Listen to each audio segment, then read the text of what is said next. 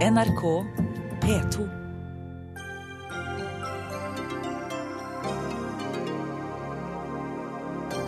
Sentralbanksjefen overrasker ikke noe rentekutt, forventninger til tross. Katastrofe, mener sjeføkonom. To drept i gjengoppgjør i Gøteborg. I disse miljøene handler alt om ære, hevn og makt, sier forsker. En krigserklæring av de tre borgerlige ungdomspartiene å presse på for søndagsåpne butikker, synes KrFU. I overkant hårsårt, svarer Fremskrittspartiets ungdom. Og bruk pengene i skolen på flere nettbrett i stedet for flere lærere, råder professor. Provoserende, protesterer lærer.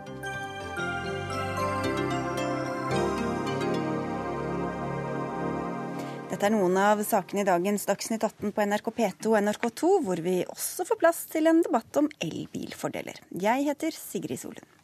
Mange boligeiere hadde nok gledet seg til et rentekutt fra Norges Bank i dag, slik så å si alle økonomieksperter hadde spådd. Et kutt i dag ville gitt oss en rekordlav styringsrente på 1% og igjen lavere rente i banken. Men slik gikk det altså ikke. I formiddag kunne du fortelle at styringsrenta ble liggende på 1,25% sentralbanksjef Øystein Olsen. Hvordan hadde du hjerte til å skuffe så mange? som ønsker seg enda lavere rente. Og ikke, ikke minst ekspertene som ville ha rett? Ja, Hvis jeg tenker på folk flest og økonomien samlet sett, så er min første kommentar at eh, renten og rentene, også de som folk betaler for eh, når de låner penger, er lav, da. Det tror jeg faktisk de aller fleste boligkjøpere og låntakere erkjenner. Hva var avgjørende for at dere ikke satte ned renta i dag? Så det vil jeg starte med å fortelle at eh, De utviklingstrekkene som har kommet til økonomien siden forrige gang, i desember, hvor vi satte ned renten, de, har, de tilsier at eh, det er utsikter nå, slik vi ser det, eh, til at renten skal ned. Og vi er ganske konkrete i så måte. Dvs. Si at vi presenterer en renteutvikling, en rentebane som vi kaller det, hvor eh, renten kommer ned mot 1 eh, i løpet av sommeren. Dersom ting skjer slik vi nå ser det. Men så, ved denne anledningen, så valgte vi å avvente eh, situasjonen eh, i, i lys av den usikkerheten som selvfølgelig er til stede, og det forhold at vi satte ned renten i desember. Da satte vi ned renten for å motvirke en markert nedgang i eh, økonomien. I kjølvannet av at oljeprisen bl.a. hadde falt. Eh, da var vi litt føre var. Eh, nå valgte vi i lys av det og at utviklingen så langt i økonomien Det har ikke vært store utslag i realøkonomien. Arbeidsledigheten holder seg lav. Så det har ikke kommet noen kraftigere nedgang i økonomien. Så nå avventer vi situasjonen en stund. Så norsk økonomi har gått bedre enn det dere trodde i desember? Ja, den, det har gått eh, omtrent som vi trodde siden eh, desember. Men som sagt, vi valgte i desember å være litt føre var for å, og satte renten ned for å motvirke en enda svakere utvikling, en slags gardering mot et enda svakere utfall i økonomien. Og det har norsk økonomi unngått. Men det var jo mange som tolket de signalene dere kom med da, eh, som at dere kom til å sette ned renta i dag. Hvorfor tror du at alle trodde det? Ja, vi, er, vi erkjenner det at de forventningene i markedet og hos de fleste, for ikke å si de aller fleste, eh, kommentatorer og analytikere ventet en renteendring. Eh, og de tolket oss i desember på den måten. Jeg tror hovedgrunnen er det jeg var inne på med det vi kaller en ulik eh, vekting, ulik vurdering og vekting av risikobildet. Eh, jeg bør også legge til at boligprisene har fortsatt å øke. Eh, hensynet til finansiell stabilitet, tiltakene gjeldsvekst i husholdningssektoren og boligpriser er noe vi alltid vektlegger. I desember så ble dette eh, si, overvektet av den nedsiderisikoen i realøkonomien som vi eh, hensyntok, eh, og som vi nå kan se, det kan se ut til at det har unngått den utviklingen nå. Men, men, hvorfor vil dere ikke altså Det du sier og de signalene dere sender, de blir veid på gullvekt. Hvorfor vil dere ikke være mer forutsigbare enn at alle nå blir helt sjokkert over at dere ikke setter ned renta? Ja, vi, altså, vi, vi, vi, ønsker definitivt å være forutsigbare. Det er, det er, det er hovedprinsippet vårt. Eh, men samtidig så ønsker vi hele tiden å gjøre det som vi mener er riktig. Hensyn tatt til eh, utsiktene for norsk økonomi, hensyn tatt til ulike risikoforhold. Og Det er flere slike som jeg allerede har nevnt. Det er dette med finansiell stabilitet og gjeldsvekst. Mm. Sterk boligprisvekst. Men det var også i desember denne nedsiderisikoen, faren for at norsk økonomi skulle få en mer markert nedgang, som vi nå har unngått. Og Da blir vektleggingen av de ulike risikoforholdene litt ulik. Og Her ligger det nok en nyanse mellom vår vurdering og den som preger de fleste kommentatorer. Vi skal få inn et par av dem etterpå, men eh, du, du, sier selv at det er mange hensyn å ta. Det er boligeiere, det er eh, store, det store bildet, det er eksportnæringa som ikke er så fornøyde i dag. Hvem er det dere har valgt å ta mest hensyn til? Det er totaliteten. Det er avveiningen av ulike hensyn som eh, ofte trekker, og i dette tilfellet trekker i ulik retning. Men Hva tror du ville skjedd hvis dere hadde satt ned renta i dag, da? Jeg vil ikke spekulere i alternative utfall. Det, det, jeg kan si, er at vi opplevde eh, rett etter at eh, beslutningen ble kjent, klokken ti i eh, formiddag, at kronen, som hadde svekket seg ganske markant i forkant av vårt rentemøte, også påvirket av en forventning om at vi ville sette ned renten, styrket seg igjen. Det var et utslag som vi hadde regnet med. Eh, kronen er fortsatt eh, svak, forholdsvis svak i forhold til et nivå hvis man går ett år tilbake i tid. Men utover det så vil jeg ikke spekulere i hva som ville vært alternativet, men gjenta at anslagene, slik vi tegner bildet nå for norsk økonomi, og den, rente, den, rente, den varslede renteutviklingen som vi, som vi, også skisserer, tilsier at hvis det går slik som vi nå ser, ja, så kommer renten ned. Så i den forstand så var ikke, og er ikke forskjellen mellom de som venter, venter til en rentenedgang, og det vi har gjort og signalisert, veldig stor. Så i mai er det et nytt rentemøte, og da ut fra det du sier nå, så er det ganske sannsynlig at dere kommer til å sette renta ned? Eller hva er det som avgjør om dere gjør det eller ikke? Jeg kan godt skrive under på ganske sannsynlig er dersom, 80 dersom det, dersom det går slik vi nå ser for oss. Men jeg vil ikke tallfeste det ytterligere. Nei, Men hva avgjør om dere gjør det eller ikke, da? Det avhenger av eh, hvordan det går i norsk og internasjonal økonomi. Alt henger sammen med alt. Det gjør det. Takk skal du ha, Sten Olsen. Da skal vi få inn noen av de nevnte kommentatorene. For de aller fleste ekspertene gjettet altså feil og trodde renta skulle ned i dag. Og en av dem som håpet på at det skulle skje, det var deg, Knut Anton Mork. Du er sjeføkonom i Handelsbanken Capital Markets. Og din umiddelbare reaksjon var at dette var en katastrofe. Hvorfor så store ord? Eh, jeg ser veldig alvorlig på det. Eh, for jeg ser langt mer alvorlig på utsiktene for norsk økonomi enn den sentralbanksjefen gjør. Eh, og eh, en sentralbank trenger å være føre var, og ikke bare vente og se om det blir ille, om folk mister jobbene sine, og så da kanskje gjør noe. Det er det ene. Og en annen ting er at jeg anser dette som veldig alvorlig for troverdigheten av norsk pengepolitikk, for, norsk, for Norges Banks kommunikasjon med verden utenom. Da tenker du på at han i desember sa at eller ga signaler om at det var sannsynlig med et eh, rentekutt nå? Ja, jeg tenker på det. Jeg tenker eh, helt tilbake til i juni i fjor, da de overraska markedet, og de ga sjøl uttrykk for at de hadde blitt overraska over at oljeinvesteringene faktisk skulle begynne å falle. Det fikk de vite bare noen dager før de skulle legge fra en rapport, så de fikk det veldig travelt da. Eh, og jeg må være ærlig og si at jeg ikke kunne forstå at det var så stor overraskelse. Så kom vi til september, og da var det liksom ikke så farlig lenger. Så til desember, da var det veldig farlig, og nå er det ikke så farlig. Men mener du at de gjør dårlige vurderinger, eller hva? Eh, jeg er uenig i vurderingene de gjør, ja. Og jeg er enda dypere uenig i måten de kommuniserer på. Og Hva er det som er så dramatisk, som du ser annerledes enn det sentralbanksjefen gjør i norsk økonomi nå? Arbeidsplasser står i fare. Eh, vi, eh, det som har skjedd konkret i dag, er at krona har styrka seg med en 3,5% og skal vi komme over på annen virksomhet, en ny normal, uten å bare drive med olje og gass her i landet, så må vi få ned kostnadsnivået i sammenligning med kostnadsnivået i utlandet. Og å få ned lønningene med en 20-30% i kroner, det tror jeg ingen tror på. Men derimot kan krona svekke seg, og det siste vi trenger da er en sterkere krone, og det har vi fått i dag. Kjersti Haugland, du er seniorøkonom i DNB Markets. Du gjetta også feil, men eh, i motsetning til Mork så mener du at han gjorde rett i at renta ble stående i dag. Hvorfor det? Ja, Det er vel kanskje først og fremst fordi for det første så deler jeg mange av vurderingene som Mork her gir uttrykk for. Eh, men jeg syns det er en forskjell på utviklingen nå i norsk økonomi. Jeg tror ikke, og DNB Markets tror ikke, at norsk økonomi står framfor en krisesituasjon. Vi står inne inn i en periode der vi skal ha litt lavere vekst, i en periode, en omstillingsperiode med lavere lønnsvekst. Men vi ser ikke for oss at det skal bli en veldig alvorlig situasjon med veldig høy arbeidsledighet. Vi mener at sånn som situasjonen er akkurat nå i øyeblikket, så er boligprisveksten veldig høy. Og det vet vi at det fører med seg høy gjeldsvekst i husholdningene etter et, en liten, med en liten forsinkelse. Og så er det sånn at Norske husholdninger er allerede veldig gjeldstynga.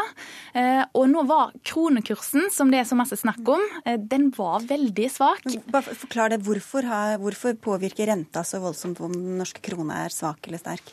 Ja, det er sånn at eh, Hvis norske renter er høyere enn utenlandske renter, så virker det attraktivt for utenlandske investorer. De ser at her kan de hente ut avkastning som de ikke får hjemme. Og Skal de flytte inn i Norge og plassere der, ja, så må de jo veksle om sine, sin valuta til norske kroner.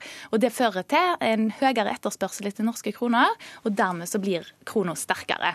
Og Det er jo bra for nordmenn som vil på ferie og eh, ha billige ferieutgifter, men en sterkere krone er jo ikke bra for norsk industri, som blir mindre konkurransedyktige. Mm. Men sånn som situasjonen er nå, så er krona allerede veldig svak. Og selv etter denne styrkinga som eh, ble fortalt om her, så er hun jo faktisk eh, altså litt svakere enn det hun var for noen uker siden. Så det er ikke sånn at eh, rentebeslutningen i dag har rasert dette. Så vi mener at siden boligprisveksten nå er veldig høy, og valutakursen var så svak, så var det rom for Norges Bank til å avvente litt. Og de signaliserer tydelig at renta skal ned til sommeren. Og hvorfor eh, tar ikke du mer hensyn til boligmarkedet og den økte gjeldsveksten? Jeg har tenkt og sagt i ganske lang tid at de som ser etter risikofaktorer i norsk økonomi, skal ikke se på eh, boligmarkedet som det viktigste. De skal se på oljesektoren og hva det betyr for resten av økonomien. Eh, og det er det som holder på å skje nå, som er den store risikofaktoren. Jeg tror Norges Bank gjør en stor stor feil med å fokusere så mye på boligmarkedet. Den svenske riksbanken Hvorfor er ikke det så farlig med at, at så mange tar opp for mye gjeld, da? Fordi boligmarkedet nok holder seg bra så lenge oljesektoren og oljeaktiviteten holder seg.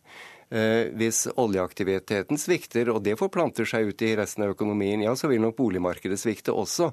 Men da er det viktige, eh, mye viktigere å sørge for at vi kan skape ny virksomhet her i landet, eh, enn at vi skal prøve å passe på hvor mange penger folk låner. Sveriges riksbank gjorde samme feilen. De fokuserte lenge på boligmarkedet. Så har de rota seg opp i en situasjon med deflasjon som er veldig vanskelig å komme ut av. Nå må de kutte renta under null i håp om å få det til. Mm.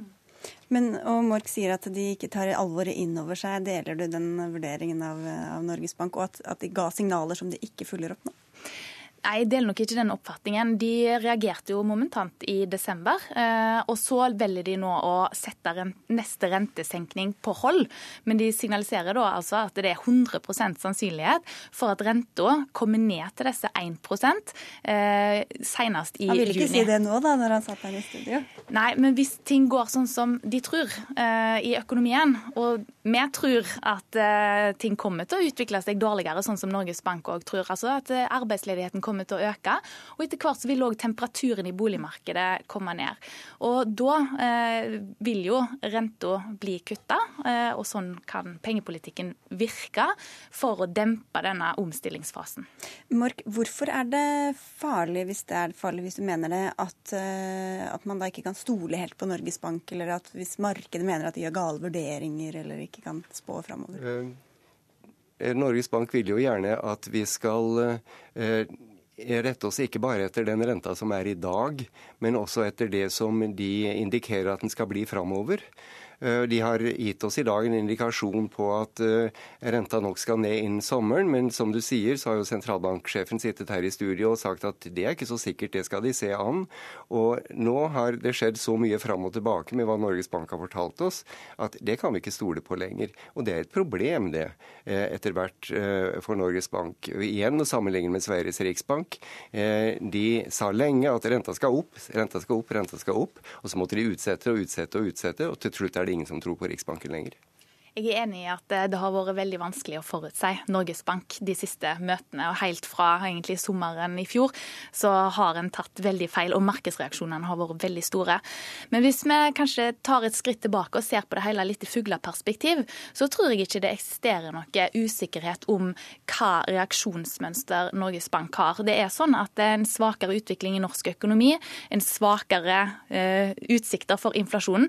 Det vil føre til lavere renter. Og så tar vi feil feil på rentemøtene. Eh, det er nyansene som vi tar feil av. Det er disse vurderingene av de forskjellige risikofaktorene, som er veldig vanskelige for utenforstående å eh, finne logikken i.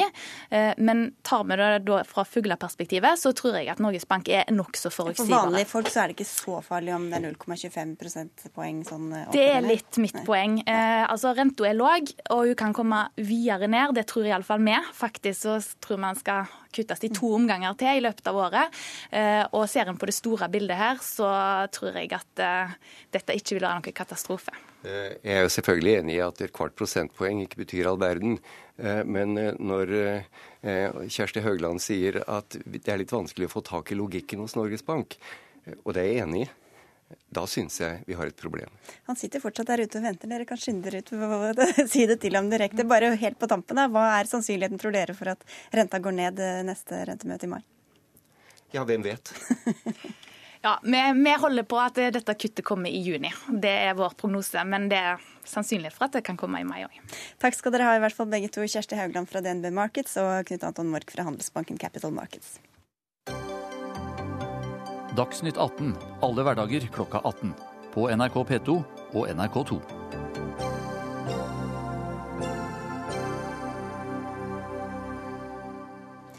I går kveld ble to personer skutt og drept og flere skadet under en skuddveksling i Gøteborg. Politiet tror bakgrunnen for hendelsen var et oppgjør mellom medlemmer av kriminelle gjenger.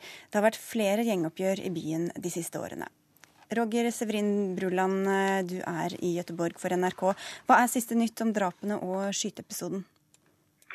Ja, det vi har fått eh, vite, var at eh, de to personene som angrep den restauranten, så var det én person som holdt deler av restauranten an med gevær, mens det var den andre personen som, som skøyt.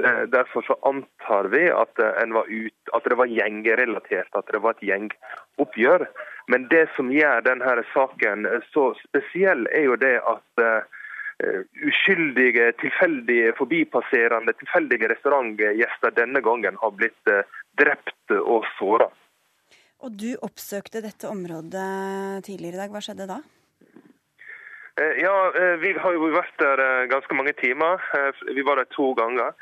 Andre gangen vi kom, så ble vi bedt om å forlate åstedet av venner av de som hadde blitt skutt.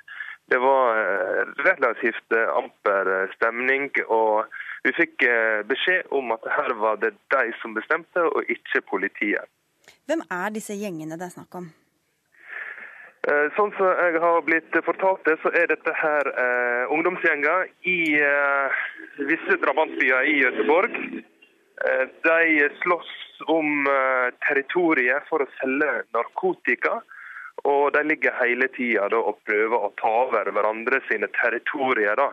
Og så er det ulike gjenger. Og det, sånn som jeg har blitt fortalt, så er dette her gjenger som går i arv eh, nesten fra far til sønn ofte.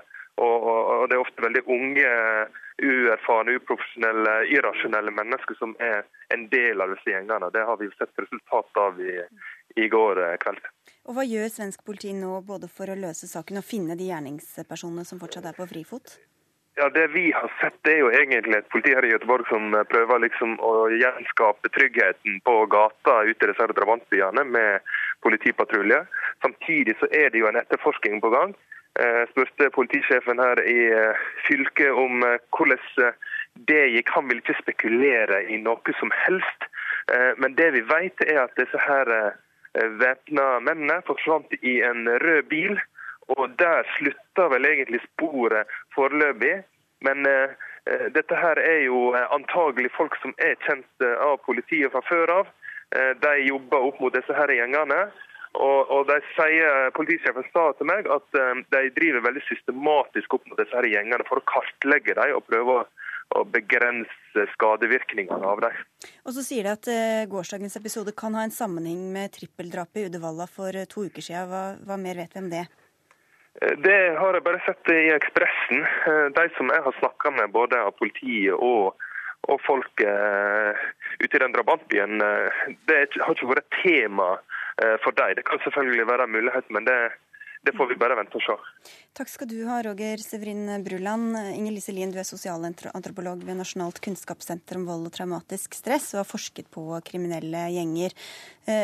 Konfliktnivået har eskalert både i Danmark og Sverige de siste årene. Hvorfor det, tror du?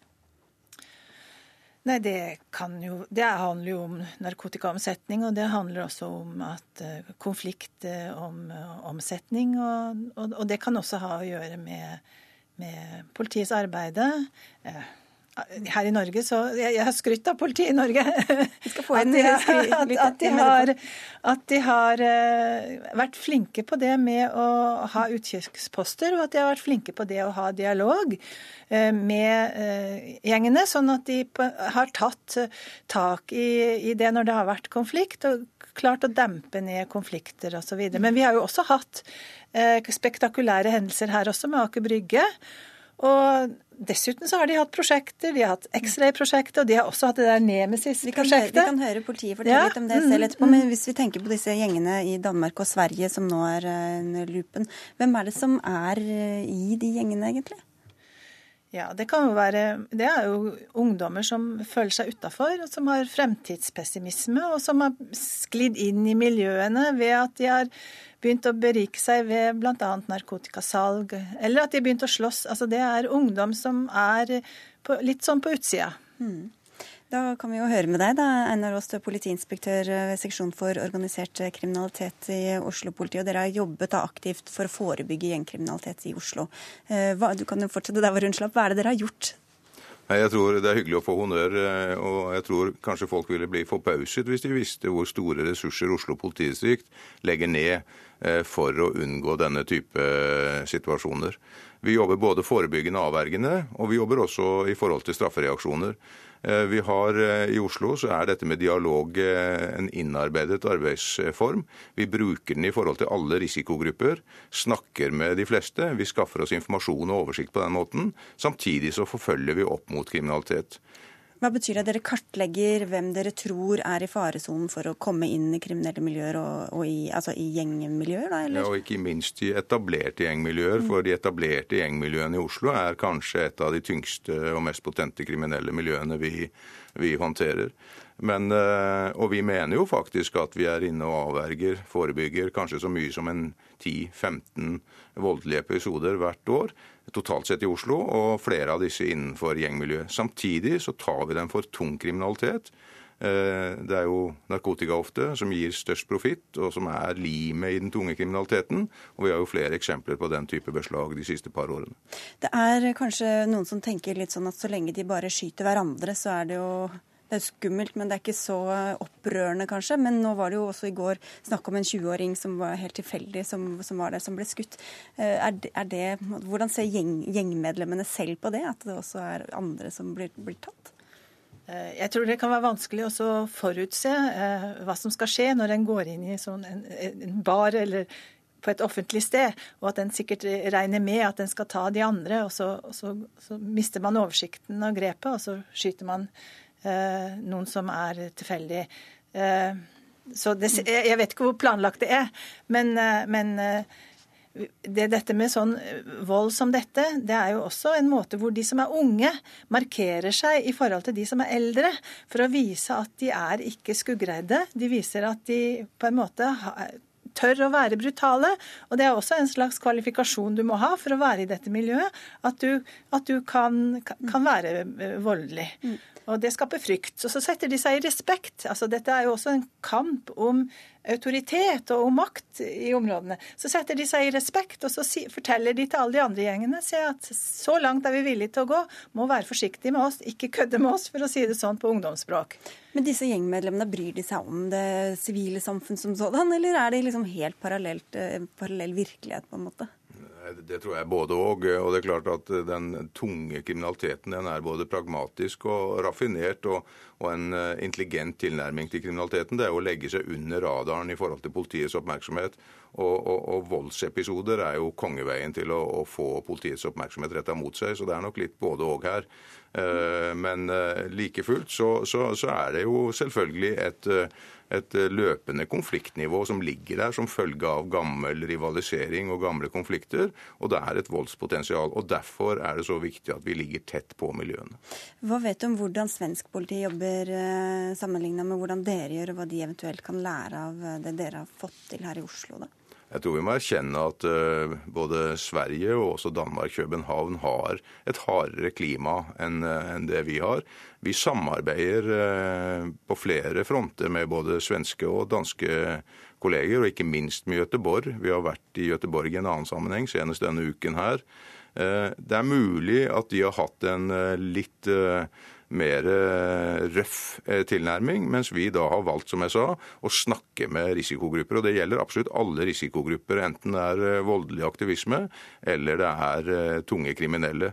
Uh, igjen, uh, det forhindrer ikke at vi forfølger dem på kriminaliteten. Jeg har bare lyst til å si Det Det var gjort en studie av en svensk sosiolog som reiste rundt med politiet i Gøteborg, og som uh, fant ut at, at politiet hadde veldig store problemer med å få informasjon. Eh, fordi miljøene lukket seg veldig. Og, i Sverige så har vi annet bosetningsmønster enn vi har i Norge. Det er mye mer gettoifisering. I Sverige er det mye mer sinne, mye mer fremstilt, som jeg sa, pga. arbeidsledighet og rent sånn strukturelle problemer. Og det har vært en stor innvandring til enkelte områder som, som gjør at ungdom kanskje føler seg litt sånn utafor. Og at dette også kan være med på å akselerere en sånn konflikt. Mm. Og Du sier at dere avverger ganske mange potensielle sånne konflikter eller oppgjør hvert år. Men dette kunne nesten like gjerne skjedd i, i en norsk by? Da, jeg, jeg tror at eh, det er vel først og fremst Oslo og det sentrale østlandsområdet som har disse potensielle problemene. Eh, og vi kan ikke garantere at ikke det vil skje drap eller drapsforsøk, men som sagt så jobber vi veldig hardt eh, for å unngå det. Det er helt klare målsettinger å hindre nyetableringer, hindre rekruttering. Det er en klar målsetting å holde konfliktnivået nede. Og så er det også en målsetting å sørge for at disse kriminelle ikke klarer å infiltrere legal virksomhet eh, og, og få flere ben å stå på, i tillegg til den tradisjonelle kriminaliteten. Og Vi har hørt om MC-gjenger, og det har vært A-gjeng og B-gjeng. og sånn. Hvem er det som utgjør disse gjengene både i den faresonen som du snakker? Det er, det, er, eh, det er de kriminelle gjengene totalt sett, og der kommer vi ikke unna etnisitet eh, som et stikkord. Eh, som, som, utgjør dette. Men det er nye konstellasjoner og nye fraksjoner i forhold til tidligere, hvor du liksom hadde en helt klar A- og B-gjeng. Mm. Takk skal dere ha for at dere kom til Dagsnytt 18 begge to, Einar Aas fra politiet og Inger Lise Lien.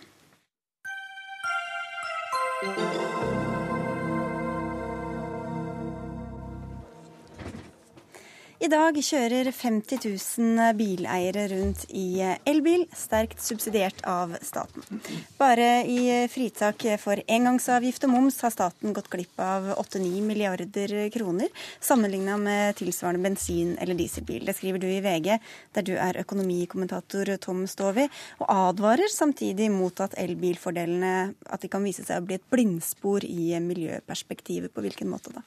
Nei, øh, Hovedpoenget mitt er at øh, elbiler kanskje er øh, et riktig svar. Men det er et riktig svar på feil spørsmål. Altså, Hvis spørsmålet var hvilke biler skal vi satse på for at folk skal kjøre til og fra jobben i urbane strøk i Norge, ja, da kan elbiler kanskje være det riktige svaret på det. Eh, men hvis spørsmålet var hvordan skal vi frakte hverandre rundt i disse urbane områdene og miljøvennlig reise til og fra, ja da tror ikke jeg elbiler er det riktige svaret. Og da må vi begynne å stille spørsmål med Bruker vi, eh, kunne vi brukt disse pengene annerledes? Og eh, jeg må bare si at jeg har fått usedvanlig mye kjeft den siste uka av elbillobbyen. For jeg trodde jeg skulle bli omfavnet av liksom, miljøfolket. Men elbillobbyen er altså helt ekstremt sterk i Norge. og det og det, og det, har forundret meg litt. Og, og, det er også sånn at de benekter at uh, dette på en måte er en gave, at uh, dette er et tap for staten. Jeg mener at det er et opplagt tap for staten. fordi at de folka som kjøper elbil, ville jo alternativt sannsynligvis kjøpt en annen bil. Og Hvis vi da regner med 50 000 biler, da, og en helt vanlig billig familiebil i Norge er engangsavgifter og moms 160 000, det er et helt enkelt regnestykke. Det er bare å gange de to sammen. Da kommer du til sånn røftlig 8-9 milliarder kroner. Jeg vet ikke om du regner deg som en del av elbillobbyen, eh, Kari Asem. Du er avdelingsleder for transport i miljøorganisasjonen Zero. Hvordan kan det være at eh, så mye penger, eller at vi får nok igjen for alle de pengene vi gir til elbilkjøperne? Ja, Det er to ting eh, ved det du sier som jeg mener er feil problemstilling. Da. Det første er at dette er et spørsmål om urbane strøk. Nå kjøper jo folk elbil over hele Norge. Og vi har 2,5 million biler i Norge. Det selges rundt 140 000 nye biler hvert år til folk over hele landet, ikke bare de som kan sykle i byen. Og hva slags bil skal de kjøpe som gjør at vi får ned utslippene våre mot 2030 og 2050? Disse bilene skal gå på veiene i 18 år. Så lenge har, varer, så lenge har vi biler i Norge. Og, og vi må få, ha en politikk på avgiftssiden på bil som gjør at folk kjøper biler som ikke har utslipp. De som skal kjøre bil. Og det er mange i Norge som skal kjøre bil. Så er det urbane spørsmålet. Det er jo et annet spørsmål. Jeg kjører ikke bil, jeg kjører ikke verken elbil eller annen bil ned til jobben min her i Oslo. Det er jo ikke det det handler om. Det er jo mer effektivt å gå. Det, mer, det, skal være mer effektivt å gå, og det skal satses på kollektivtransport. Så det å sette de tingene opp mot hverandre, det blir liksom helt feil. Og ikke bare kollektiv, men du snakker om elsykkelen som du har planer, planer om å kjøpe, Tom Stover. Du, alle som ikke har prøvd en elsykkel, må løpe og prøve en elsykkel. Det er, det er nesten like gøy som å kjøre den råeste Teslaen. Å gå fra dieselbilen til den råeste Teslaen. Det er helt fantastisk å få det skyvet opp på bakken. Men eh, jo, jo, men det, det, er jo greit det at uh, vi skal utvikle elbilteknologien as such. Det, det, jeg skjønner jo at det er derfor fordelen er der. Så Sånn sett så kan man kanskje forsvare uh, noe lavere engangsavgifter. Man kunne kanskje tenkt seg at man kan forsvare momsfritaket. Men det jeg ikke da skjønner at man klarer å forsvare, det er at elbilene skal få lov til å korke kollektivfeltet. At det ikke er bompenger, altså at det er gratis gjennom bompengeringen. At det parkering. er gratis parkering, at det er gratis strøm rundt omkring i byen. Det er en del sånne fordeler der vi virkelig har lagt til rette og satset fryktelig mye penger på at de som kjøper elbil som bil nummer to, bruker den på jobben. Og jeg tror vi skal være såpass ærlige at i urbane strøk, de som kjøper de minste og kanskje opp til Tesla, da, de største elbilene, det er klart at de kjøper de fordi at de skal bruke de på jobben. Eh, I hvert fall hittil så har det vært det. Uh, og, og, og, ja. det, ja, det, er mange ting her. For det første den virkemiddelpakka som vi har på elbil i Norge, som både gjør det billigere å kjøpe dem og gjør det enklere å bruke dem, den har til sammen vært utløsende for at folk kan velge elbil de siste åra. Så spørsmålet hvor lenge den skal Det er det det er eh, spørsmålet. Hvor lenge skal den fortsette, og hvor bra er bilene nå? Når, bilene, når, du hadde, kunne kjøre Buddy og Think, så måtte du ha mye sterkere bruksfordeler for at det skulle være i det hele tatt mulig og attraktivt å bruke de bilene. Nå har vi bedre biler. Så det vi må se på, hvis vi virkelig ønsker å få til dette med elbil i Norge, og i verden, da. Og det ønsker jo vi i Zero. Og det er det veldig mange av disse elbillobbyen som ønsker. Og jeg tror heller ikke det bare er elbillobbyen som har blitt sint, det er jo også elbileiere. Altså økende andel av befolkningen som syns, at elbil er stas, bra, de er stolte over at de har kjøpt det, de har lyst til å kjøpe elbil. De blir også eh, frustrert over utspillet om at de snylte på statskassa. For det, det som er poenget også, er at det, de som har kjøpt elbil fram til nå, og de som kjøper det nå også, de tar mye større risiko enn de som kjøper en Volkswagen Passat på diesel eller bensin særlig bensin. Mm. fordi eh, annenhåndsverdien er veldig usikker, og du vet ikke mm. nok om hvor lenge batteriet varer. Dette er folk som går foran og tar stor risiko for å drive et skifte til en annen bilpark. Og de bør ha honnør. Fordi man hele tiden har det i bakhånd at kan, om et år kan det være slutt, om tre år kan det være slutt osv. Altså, da plutselig må man betale i ja, bomringen. Ja, du vet ikke hva du får solgt bilen din for. Og det er jo hele regnestykket ditt når du skal kjøpe bil. Jeg sitter og skal gjøre det sjøl. handler om hva har vi råd? Men, dette er jeg helt uenig i. For det er opplagt sånn at før eller siden så kommer kommer disse fordelene hvis eh, du har rett, og at elbilen overtar og på en måte blir den vinnende teknologien, ja da kommer jo eh, avgiftene til å slå inn på elbiler også. Alle de som kjøper elbiler nå, altså de som kjøper de råeste Teslaene nå, de kommer jo til å gjøre en kjempeinvestering. fordi at eh, de kommer til å stige i, i nypris noe voldsomt om to til tre år, når vi liksom vurderer disse avgiftene på nytt, hvis det blir avgifter på dem. Så dette tror jeg er risikoen deres mener jeg er ja, kanskje de som kjøpte de første ting, men de som kjøper disse bilene nå, jeg tror egentlig ikke de tar så høy grad av risiko. Men, det, men, men, de, de men da er jo, da er jo Du får en gjenkjøpspris av selskapene, og den er veldig veldig lav. Sånn at du, det er mye dyrere for deg å velge en elbil nå hvis du vil ha sikkerhet, enn å velge en eh, bil som ikke er elbil. Ja, hvis du tar den som firmabil, ja, men hvis du kjøper den på egen hånd, så vil du kunne gå ut og selge den i markedet. Hvis du vil ha en garanti for den prisen, så, eller den prisen du får etter tre eller fem år, så er den kunstig lav. Jeg tror også at eh, jeg ville tort å ta litt mer risiko enn det. Det finnes jo ikke noen garantier på noe verdi av en bil etter tre år uansett. Men, men, men, Nei, men det er større risiko å kjøpe elbil, det vet vi jo. Eh, eh, men allikevel. Det er allikevel litt rart at vi synes at det er eh, klimapolitikk i Norge å satse så mange milliarder kroner på det. det er, altså, jeg prøver på en måte å sette den voldsomme investeringen inn i en hvor, sammenheng. Fordi disse batteriene og, også da kan brukes til andre ting enn biler, ikke sant? Ikke bare batterier, men la oss nå tenke oss at vi brukte milliarder på å lage sykkelstier og sykkelveier i de største byene i Norge, f.eks. Det ville vært et eh, kanskje et mye bedre, ja, det... mye bedre, klimatiltak. Det er det ja. som er poenget. Altså, det vi må diskutere, vi, altså, Det er jo helt uinteressant for Norge som nasjon å utvikle en ny bilteknologi. Det men hvem skal gjøre det om ikke vi gjør det, da? Ja, men Vi må investere disse pengene for å utvikle miljø- og klimavennlige løsninger. og Da må vi finne ut hva er alternativverdien av disse pengene. Og jeg begynner å, og jeg begynner å tvile litt på om, om alle disse fordelene nå egentlig gir oss det, eh, eh, den miljøvennligheten som vi forventer å få ut av det. Ja, det mye, men det kan Asheim få svare på det, for det, er jo, unnskyld, det, er, for det er jo mye penger det er snakk om som kunne gått til sykkelveier, eller som kunne gått til et bedre ja, men Hvis vi er enige om at vi må gjøre noe med bilparken også, ikke bare få folk som kan sykle på kortere distanser til å sykle, men gjøre noe med alle de kjøreturene som tas i bil i dag.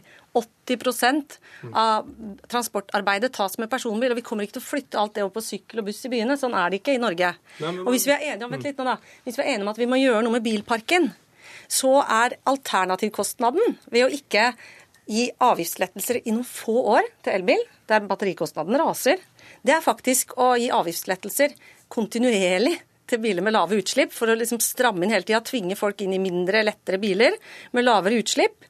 Det, eller å øke avgiftene veldig på bil, da, selvfølgelig. Men det kan du jo gjøre uansett om du satser på elbil eller ikke. Poenget er at du må sånn være billig. Altså, du sammenligner, ja. du setter tiltak opp mot hverandre som ikke Nei. er konkurrerende. Nei, jeg, det er ikke enten satser vi på sykkel eller det, rene biler. Jo, vi må ha begge deler. Ja, ja, men det, det, det, vi har gjort med elbiler, det er bare å gjøre det fryktelig billig å kjøpe en bil og fryktelig billig å bruke den. Hva skjer da? Da bruker folk den elbilen mye mer. Det kan jo ikke være målet.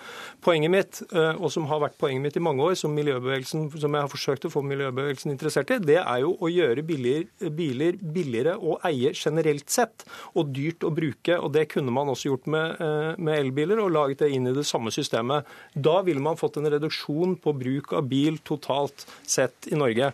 Og så tror ikke jeg at det store miljøproblemet i Norge er den biltrafikken som går gjennom Oslo og Trondheim. Mesteparten av disse bilene de kjører rundt i byen, og der må vi prøve å få folk over på mer miljøvennlige eh, transportmidler, som kollektivtrafikken, og kanskje også få dem til å begynne å sykle. Det hadde vært veldig bra for alle de store byene i Norge. Og Da fikk du lagt inn litt eh, ny reklame for eh, elsykkelen eh, som du skal gå ut og kjøpe. Ja, når alle reklamerer for elbiler, så må noen reklamere for elsykler òg. Takk skal dere ha i hvert fall for at dere kom til Dagsnytt 18, Tom Stovi og Kari Asheim.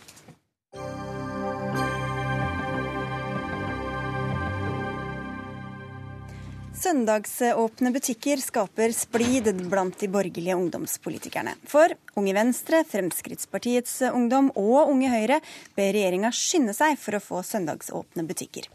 Nå samler de seg om Venstres forslag om å fjerne forbudet og la hver enkelt kommune bestemme om butikkene skal få holde åpent på søndager.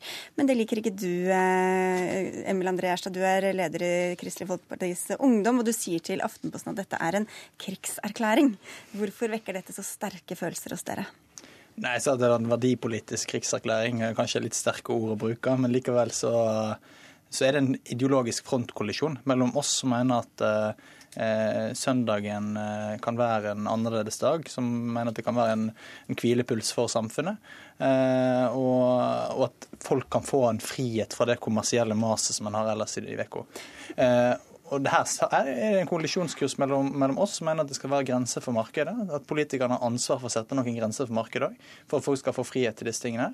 Og de som mener at, eh, at vi lever i, i, hver for oss og kan ta våre egne valg helt uh, upåvirka.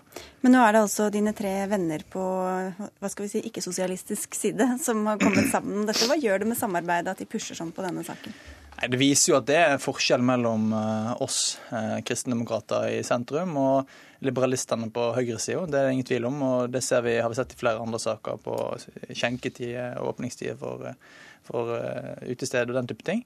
Uh, der det er en, eh, en, en, vilje for oss til å sette grenser for markedet, mens de mener da at Eh, folk må ta valgene sine sjøl.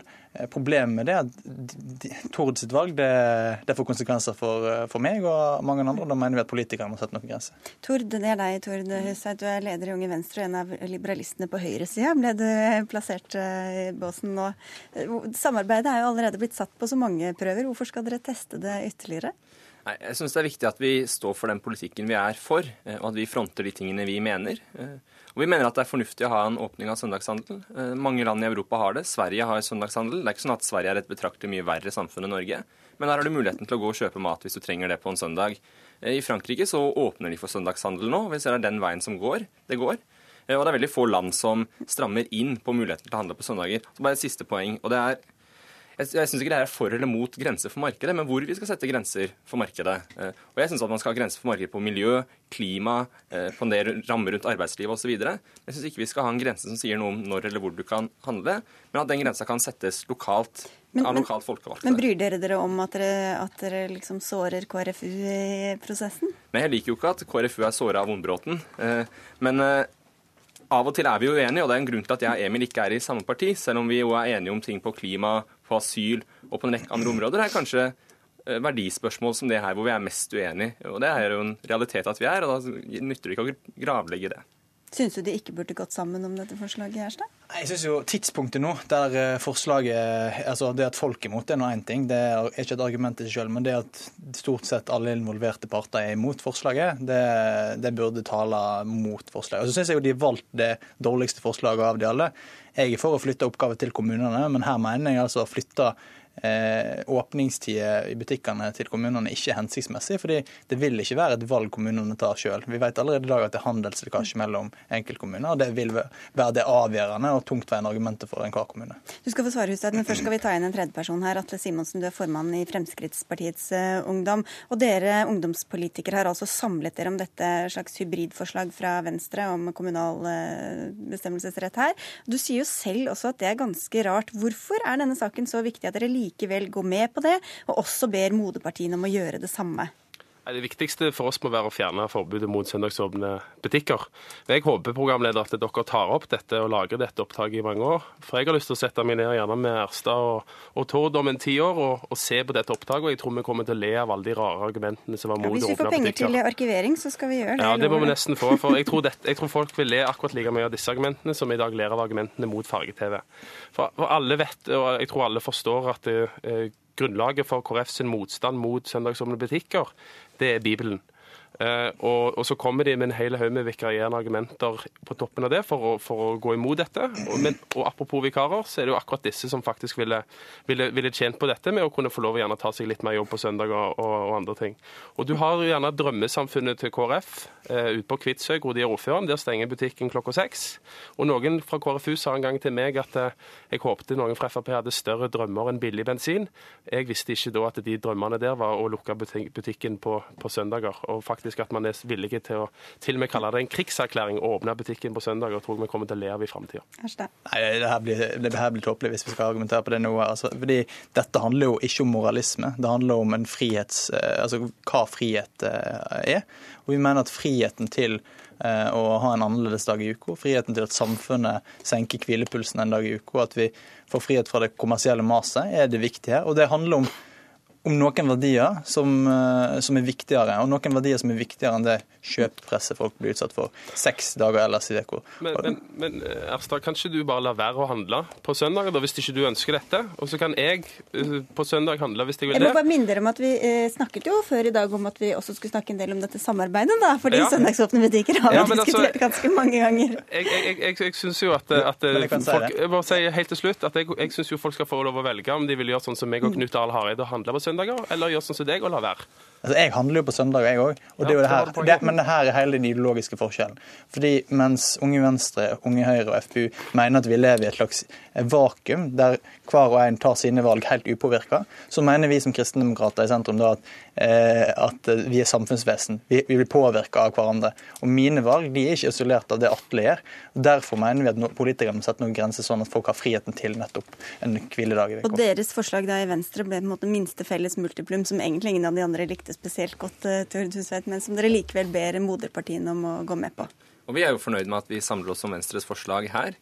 Eh, så jeg er litt, litt, uenig med Emil her om at det her handler om at vi mener eh, folk lever i et vakuum. Jeg mener at vi, lever i, vi er del av fellesskap. Eh, men det er ikke alltid vi skal la staten være det fellesskapet som setter grensen. Av og til skal man flytte litt makt nedover, gi folk litt større mulighet til å ta egne valg.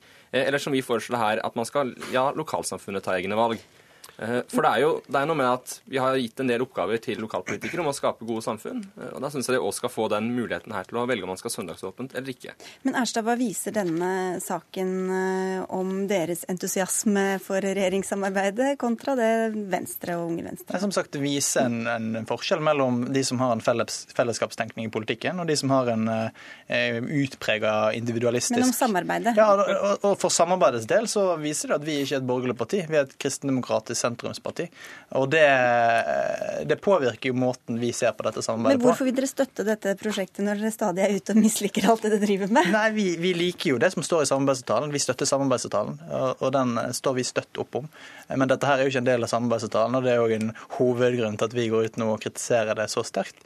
Eh, og så er det sånn, eh, friheten til å, å ta andre valg, den er veldig begrenset hvis vi innfører søndagsåpne butikker. Noen må jobbe i butikkene, noen må få folk til butikkene, eh, og noen må passe ungene til de som jobber i butikkene. Så å tro at alle vil være helt upåvirka av de valgene hver enkelt tar, det er det som er svakheten til liberalismen i det spørsmålet. Men jeg må bare stille spørsmål der, for tror, man, tror ikke dere i KrFU på fellesskap og alt det der du snakker om i desember? For i desember er det jo plutselig helt greit at man har åpent på søndager. Jeg tenker at Den prinsipielle debatten er ferdig. Når man sier at dette er lov på i desember, når folk gjerne aller helst bør være med familien. Det er lov hvis du har under 100 kvadratmeter, og det er lov hvis du heter Plantasjen eller hvis du er i en kiosk. Mm, det er noen unntak som bekrefter reglene. Det er det. Og de unntakene kan fint være det. Men du kaller det litt hårsårt fra KrFU, Simonsen? Ja, jeg syns det er litt spesielt at man, man, man, til og med kaller det en krigserklæring, bare fordi at det er en del partier som ikke er enige i politikken til KrFU. Og det er det veldig mange som ikke er. Og vi ønsker å, åpne for at du ikke har forbud mot å åpne på søndager. Så kan de butikkene som vil åpne på søndager, og de som vil kan handle. Mens Erstad kan la være hvis han ikke ønsker det. Men, men, men man kan ikke gå til krig fordi at ikke alle andre partier er, er enige med, med, med KrFU. Eh, og De kan ha sin mening med, med, sitt grunnlag, og jeg sa tidligere hvor jeg tror det kommer fra. Eh, så kan vi ha vår mening, og så får vi se hva, hva flertallet stemmer for. Okay, okay for det, det her er, eh, Hvis vi ser på flertallet på Stortinget nå, så er flertallet mot søndagsåpne butikker. Flertallet av, de, av, av, av, partiene på Stortinget er flertallet av folket. Eh, og så argumenten her for at, eh, at vi alle er mot politikken, det, det, det, blir veldig tynt. Og det jeg hadde håpet på, det var at mine kollegaer i Unge Venstre, FPU, Unge Høyre hadde sett litt på den virkeligheten som vi nå står i, eh, der dette forslaget har fått veldig mye tyn, selv om regjeringen ikke har lagt det fram. Og da mener jeg kanskje at den burde revurdert det, det utspillet de hadde tidligere i uka. Men eh, jeg må spørre dere helt på tampen her. Da. Det er jo mange andre konflikttemaer også dere imellom. En av dem er asylfeltet. Og disse dagene er det mange KrF og i Venstre som teller på knappene og lurer på om de skal si at de ikke har tillit til justisminister Anders Anundsen lenger. Hva mener du at KrF bør gjøre, Erstad? Eh, KrF bør kreve at asylbarna kommer hjem, eh, men om mistillit og den konstitusjonelle biten der, det mener jeg, eller, det mener jeg at at eh, stortingsgruppa skal få lov å bestemme, og så sier jeg min mening når jeg møter der. Hussein, hva burde Venstre gjøre? Nei, du sa jo, Vi møttes vel en gang før når du sa vi ikke var konstitusjonelle feinschmeckere. Så jeg er jo ingen konstitusjonell feinschmecker. Men eh, jeg mener at barna hjem er det viktigste. Eh, og så får eh, de som kan noe om konstitusjonen, ta og avgjøre hva vi skal gjøre med Men, Og Hva viser disse sakene om samarbeidsfeltet nå, da, syns du? Nei, Jeg syns jo vi klarer diskusjonen om søndagsåpne butikker bra, og at vi har en ganske sivilisert diskusjon her, mer eller mindre. Og jeg skulle ønske vi hadde flere sånne diskusjoner hvor vi hadde gode diskusjoner hvor fakta var i sentrum, og mindre personkonflikter og mindre bråk rundt. Så tror jeg vi står oss godt med å være uenige på enkelte områder. Og Hvor mye er politikk, hvor mye er taktikkeri her, eh, tror du, Simonsen? Nei, Det får de svare på. For meg nok, sikkert ende opp med. Jeg har jo full tillit til, til vår justisminister. Så håper jeg òg at de andre ungdomspartilederne velger å ha det, og ikke sørger for at vi, vi bytter ut med noen fra Arbeiderpartiet. Vi får si takk i denne omgang og se hva det ender opp med nå one of these days. Eh, Emil André Erstad fra KrFU, Tore Tustvedt fra Unge Venstre og Atle Simonsen fra FPU. Hør Dagsnytt 18 når du vil. Radio NRK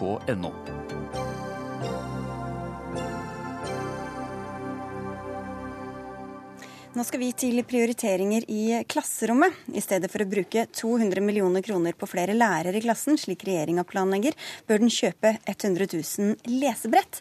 Det skriver du i en kronikk i Klassekampen. Arne Krokan, du er professor i teknologi og kommunikasjon.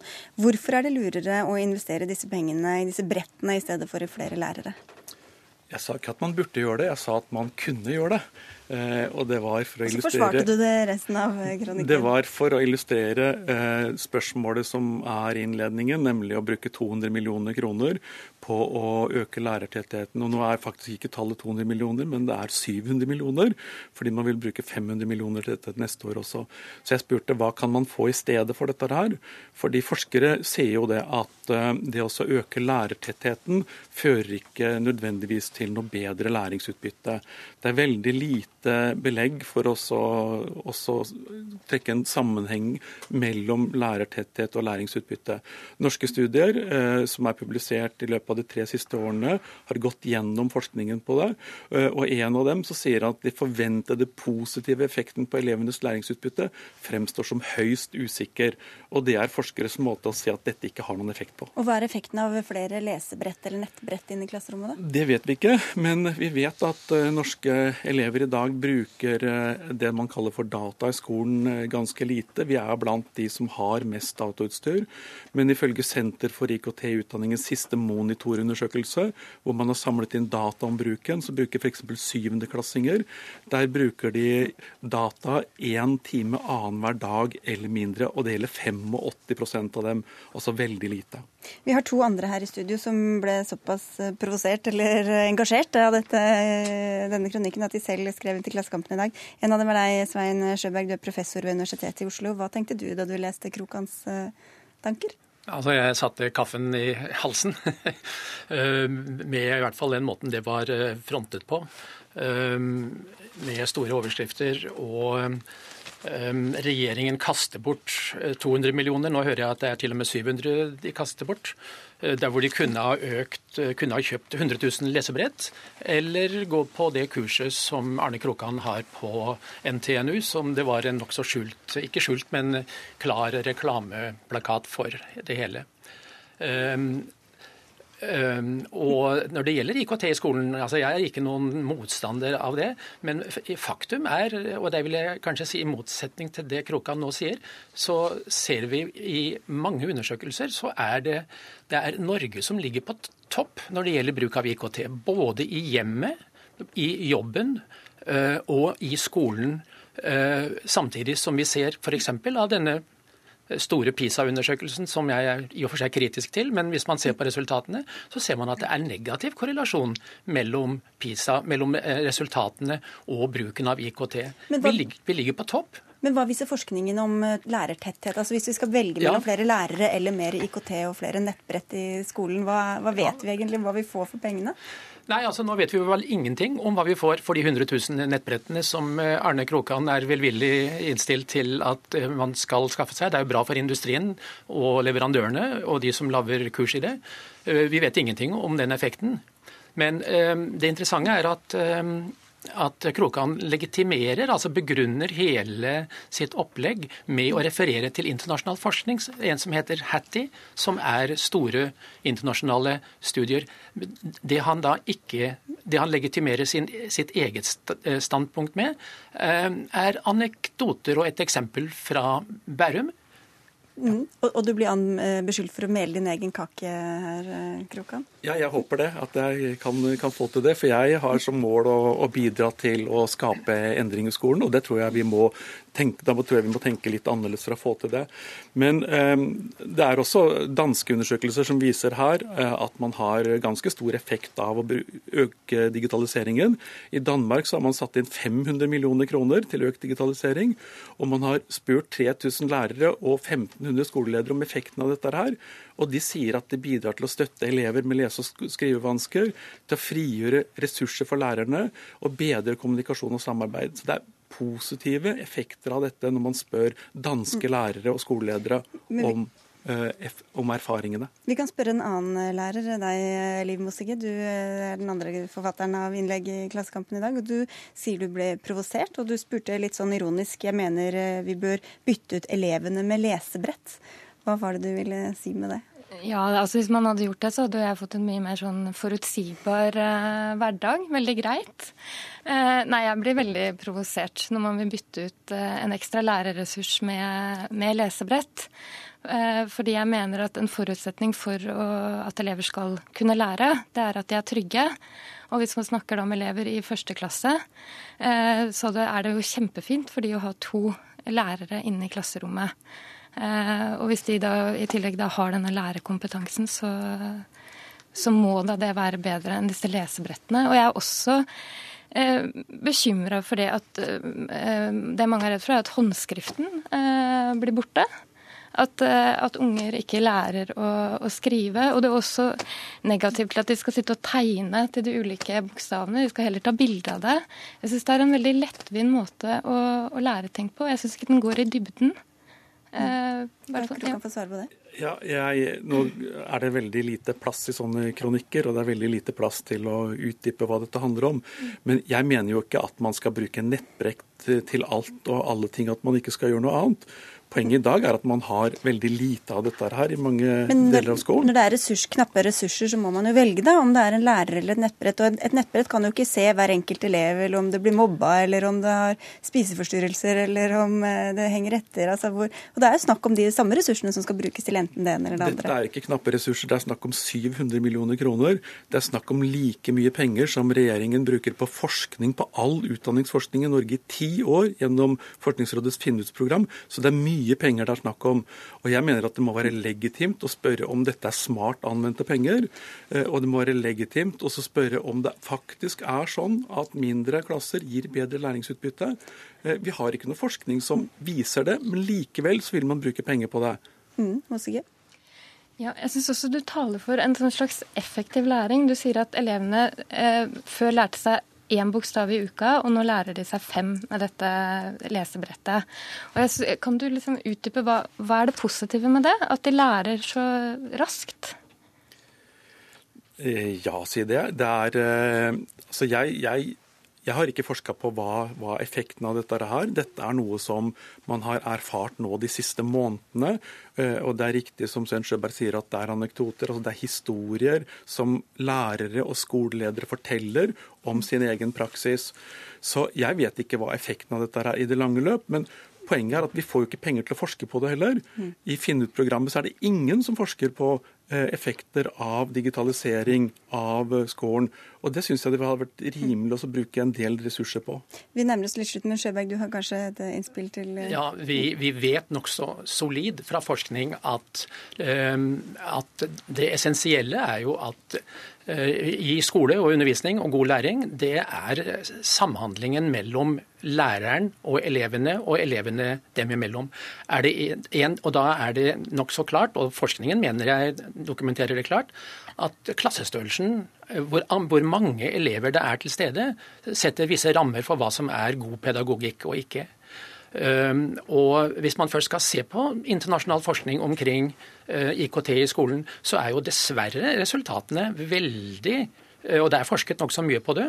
Uh, men det er jo forskning da, som er foretatt i andre land, andre kulturer, og på tvers av alle fag, så viser de at IKT i undervisningen ikke i seg selv gir noe som helst eh, gevinst. Men vi skal fortsette å bruke det som ett av veldig mange andre virkemidler. Men hvis du kunne velge mellom å kjøpe en iPad eller få en hjelpelærer, så ville du valgt det siste? Absolutt, ja. du fikk ikke overbevist eh, disse to, eh, Krokan. Men... men... jeg er helt enig med, med Sven Sjøberg at IKT i seg selv gir ikke noe bedre læring. Det vi må gjøre, er at vi må endre selve læreprosessene, og det har vi muligheten til å gjøre hvis vi har teknologien. Og det er mye lettere å gjøre når klassene er små. Det får bli siste ord. Tusen takk skal dere ha for at dere kom til eh, Dagsnytt 18. Arne Krokan, Svein Sjøberg og Liv eh, Mossige. For Dagsnytt 18 er over for i dag. Det var Ida Tune Øretsland som hadde ansvaret for innholdet. Teknisk ansvarlig Lisbeth Sellereite og i studio Sigrid Solund.